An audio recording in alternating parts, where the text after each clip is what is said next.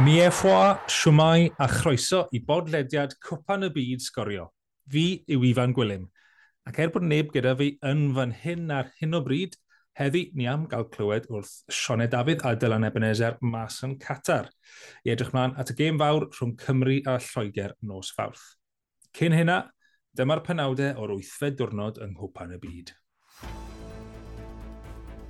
Goliau di rif o'r y llun wrth i Camerŵn a Serbia gael gêm gyfartal, tair gol yr un, a ganan curo Corea o dair gol i ddwy mewn gemau cyffroes i ddechrau'r dydd.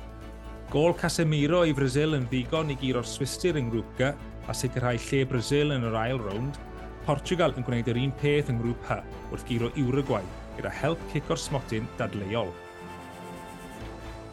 Ie, yeah, ar ôl i seiriol weid ar y pod diwetha bod gemau cynta'r dydd wedi bod yn ddiflas, Gaethon ni cracker eddi uh, rhwng Camerŵn a Serbia yn grŵp G. Cameroon yn sgorio gynta, ond tair gol i Serbia yn edrych fe bod nhw am ddwy'n y pwyntiau gyd, a wedyn dwy gol i Cameroon o fewn 3 munud, gan gynnwys audacious chip gan Fanson Abubakar o tu fewn y cwrt yn golygu ta cyfartal oedd y gêm na. Os chi heb weld gol Abubakar, ewch i weld e. Yn yr un grŵp yn hwyrach yn y dydd, nath Brazil gyro'r Swistir o gol i ddim, a gewch chi fwy o hanes y gêm yna wrth Sioned a Dylan yn y man. Y canlyniadau yna'n golygu bod Serbia angen curo'r Swistir yn ei gêm ola nhw i gael unrhyw gyfle i ymuno gyda Brazil yn yr ail rownd. Oedd ail gêm y dydd, yr un mor gyffroes, yr un cyntaf, tro hyn yn grŵp H, Ghana yn chwarae De Corea, A oedd Ghana dwy i ddim ar y blaen ar hanner amser, ond wedyn ni yn yr ail hanner, dwy gol o fewn 3 munud i Cho Gweswng yn dod â De Corea yn gyfartal. Wedyn, Mohamed Kudus yn sgorio ei ail o'r gêm i gipio'r fuddigoliaeth i Ghana, oedd, oedd y ddwy gêm gynnar yna mor entertaining. Y triffwynt i Ghana yn golygu os ydy nhw yn osgoi colli yn erbyn Uruguay, nath golli i Portugal o dwy ddim heno yn y gêm hwyr, yna fydd Ghana yn debygol o gamu i'r ail rownd. Ond bydd hwnna yn sioc, uh, gan bod uh, Uruguay wedi, uh, well, dark horses fi, yn, uh, yeah, dim yn mynd i fynd trwyddo. Un bach o beth ddigwyddodd oddi ar y ca yn y gêm Ghana de Corea, oedd yn eitha difyr, oedd um, gweld un o hyfforddwyr Ghana yn trio cael selfie gyda uh, Son Heung-min ar ôl y gêm. Oedd wedi cymryd i masg off ar y pryd. Ond mi oedd e hefyd yn llefen yn eitha caled. A e, oedd George Boateng yn rhoi row i'w gyd y fforddwr am bod mor ansensitif yn trio cymryd selfie gyda chwaraewr uh, gwrthwynebwyr oedd yn amlwg yn emosiynol iawn am bod nhw wedi colli. Ie, yeah. not cool. Mae pawb wedi chwarae dwy gêm nawr, felly ni'n symud ymlaen at yr adeg yna yn gemau ola'r grŵp, lle mae dwy gêm bob grŵp yn cael ei chwarae ar yr un pryd.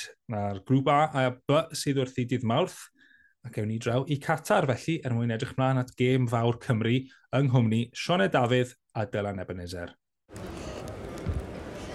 Wel, helo pod sgorio, fi yw Sioned, a um, Dylan Ebenezer hapus iawn gyda fi fan hyn. Pam bod ti mor hapus Dylan? Fi'n hapus achos fi wedi uh, gwireddu breuddwyd. Fi'n oedd gweld Brazil yng nghofan y byd. Fi dal methu credu'r peth. Fantastic. A, a ffarn o gol hefyd. Casemiro. Ie, yeah, a ddyn gred. O'n i'n eistedd gyda cynogwr Brazil. O'n i'n reit ar edge y uh, nutters fel petai. So, oedd eitha tawel, ond o'n i'n chi gweld y gwallgofrwydd. Na, nes i gerdded mewn y stadiwm. Uh, y stadiwm 974, yr un newydd, mae'r uh, uh, boxes cargo dro enfawr. Mae'r stadiwm yn wych, wedyn O'n nhw ar y cae yn y crysau melyn na. Ges i'r reiliad fach emosiynol. Just yn meddwl, gwylio Brazil yng nghwpan y byd. Y tîm sydd wedi ennill e pimp gwaith, mwy na neb. Mae'n just, oedd e'n berffaith. Felly ie, tipyn o noson. A noson da i chwarae fy'r Arsenal? Wel, nes i dreulio lot o'r gêm yn edrych ar Granit Xhaka. Mae'n rhaid fi gyfadde. Fan enfawr, oedd e'n chwarae'n dda. Oedd e'n dod Jesus ar y cae. Oedd Martinelli o flan fi. Felly ie, o'n i methu uh, anghofio am y gynners er bod fi fan hyn yng Nghymru y byd. Ond mae'n rhaid fi, gaethon ni bach o drama, achos oedd O'n i fod cyfweld â Gareth Bale a Rob Page am bedwar o'r gloch, yn goth hwnna i newid i hanner ar di pimp, a oedd gêm Brazil yn dechrau am saith. A o'n i'n ffili cael Uber, achos oedd uh, South Korea yn erbyn Ghana, Ghana yeah. yn y stadiwm dros nesau ble o'n i. Ffili cael taxi, ebsi a fi di redeg ar draws hynny'r Doha i ddal ar metro. Gollon ni'r 5 munud gynta, Do. ond oedd e'n ffain. Niswn ni dda, a fe ni un ochr o'r ddinas i'r llall, ac just methu 5 munud o'r gêm. Sa ni'n rhedeg gymaint ar spel, wedyn ni, oedd y metro eitha llawn, ond do, greiddo ni, a ni sprinto i'r stadiwm, a mae'r pobl sy'n helpu chi, maen nhw mor gyfeillgar, yn gwydi, uh, stadium this way, a ni fel, ia, fi chi gweld e, fe fyna, reit o blaen ni. Ond do, nes eistedd yn y sit, a cael rhyw 5 munud bach o, cael yn anadl yn ôl, cymryd ei gyd i mewn, a fel fi'n gweud, dwi'n i'r crysau Melyn, iconic na, a dda just yn, uh, o, dda'n hyfryd. A fi mor sori os yw'r Cymro na ddod lan at ni yn y metro a gweud, a siwt mae criw sgorio heddi, achos o Dylan a fi bach yn delirious yn hollol knackered ar ôl yr holl redeg. So, so ymddeheiriadau os o'n i uh, yeah, ddim yn siaradus iawn. Do, ni fel, fi really yn hwyr a fi angen cyrraedd y stadiwm. Ond ia, mae'n lyflu gweld ti, a fi'n mynd, fi'n mynd, oce, okay, tara, tara. Na, ddim bryl, mae jyst yn achos chi mewn rhyw bubl gyda Cymru, mae gweld y tîm eraill yn uh, brofiad mor ffantastig o'n cwpan y byd. Ti wedi gweld mwy o gemau na fi, mae'n gweld ti wedi gweld Ariannu'n oh. uh, Mexico, Messi'n sgorio, ond just cael gweud bod fi wedi gweld Brazil yng Nghwpan y byd yn, uh, yn rhywbeth arbennig iawn. A ni newydd adael y Metro Station a ni'n cerdded nôl i'r gwesti, felly yeah. ymddeheriadau am y sŵn. Ond, Oce, okay, nath ni siarad gyda Rob Page a Gareth Bale. Fi'n mewn o'n teimlo fel oriau yn ôl erbyn nawr. Um, a Dylan, oedd o'n nhw ddim yn hapus iawn nag nhw, ond ti'n gallu deall pam fi'n credu maen nhw yn teimlo'r pwysau i berfformio nos y fori. Ie, yeah, ni gyd yn siomedig, felly allwn ni, byddwn ni'n meddwl, allwch chi liosi hwnna tipyn o ran nhw. O'n i'n disgwyl mwy, o'n i'n disgwyl llawer, o'n i'n disgwyl herio'r byd, ond o'n i'n disgwyl perfformio'n well. A o'ch chi yn teimlo bod, bod i bach yn tetchy na. Yeah. Dim byd gwael, ond maen nhw, ma nhw mor gyfeillgar, a nhw dal yn gyfeillgar iawn, ond oedd, oedd yr atebion yn fyrach, oedd Robert Page yn... yn Just yn bach fwy stres, yeah, o bosib. Ie, ac yn meddwl mwy cyn ateb, just bod yn ofalus. A na, mae'n digon tig, digon tig, ond um, do, oedd bach o, chi'n teimlo bod yna bwysau arnyn nhw. Dim i ennill, ond just i, i chwarae'n well. A mm. byddai'n anodd iawn chwarae'n well, i bod yn hollol onest ar ôl y ddwy gêm gyntaf yna. A fi'n credu beth sy'n mynd i fod yn ddiddorol nos y fori yw, mae fe'n swnio bach yn ridiculous i weid bod Lloegr o dan pwysau, achos bod nhw ar frig y grŵp, ond dyw cefnogwyr Lloegr ddim cweit yn hapus chwaith ar hyn o bryd. Na, dyn nhw'n mynd hapus. Fi'n credu maen nhw'n mynd trwyddo, achos fi'n credu mae'n rhaid i Gymru ennill o bedair i ddim i stopio nhw fynd trwyddo. Mm. So, does dim ffordd yn y byd mae hwnna'n mynd i ddigwydd. Ond o ran Cymru mynd trwyddo, anebygol, ond dwi'n ddim yn amhosib, os oes mm rhywbeth yn digwydd yn gynnar yn y gêm, yn sydyn bod Cymru'n dechrau cael bach o hyder. Mae'n gallu digwydd. A llai'n hawdd gweld y gêm arall yn gorffen y gwartal. Mm. Fi'n gwybod ni'n sôn am bod cwpl o bethau angen digwydd. Ond mae'r ail un... Ie, mae'r ail un yn bosib iawn. Ond mm. allan ni'n hawdd gweld yr An America ac o gêm gyfartal. Bydd i ddim yn ddisgwr, bydd i'n siŵr fod yn tair gol yr un a bydd i'n hollol bonkers. Ond gallai hwnna ddigwydd, a wedyn ni, chi'n ystod meddwl, os da ni unrhyw beth yn y tanc i roi un sioe fach arall mlaen i ni un sioe fach arall, a hefyd, mae rai fi wedi, pan i ti'n meddwl, pob tro mae yn y gorffennol oedd rhaid i Gymru cael cynlyniad, Mae nhw wastad yn llwyddo wneud e yeah. rhywsut, felly Na, pwy a oer. A nath rwy'n gweud yn gynharach, ydy ni'n well pam ni'n uh, underdogs. Fi dal yn methu, methu meddwl am term Cymraeg da ar gyfer underdogs. ond falle, ni yn, ond, edrych yn ôl, O'n i ddim yn ffefrynnu yn erbyn America i'r an, o falle oedd pawb yn meddwl bod ni, mm. a ddim wedi canolbwyntio'n iawn ar fai mor ddadd America ac i'r an.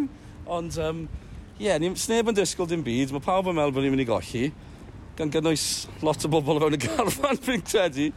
Beth yn gwybod, beth yn gwybod, na'r peth. Falle, falle bod ni'n twyllio'n hunain, ond sy'n fos, sy'n dewis dyn ni, nag Adel, cyn i ni fynd, ti'n newydd wel, dy gêm gynta di, yng ngoban y byd, ddim Cymru, o ti ddim yn gweithio, A sydd wedi joio? A just yn hollol, hollol wefreiddiol. Oedd y mor braf, a jyst yn gweld gwledydd eraill yn mwynhau. Mae gymryd o wyrgylch, mae pawb mor hapus. Yn redig Brazil, a Swester yn y rili dda, maen nhw dim cadarn.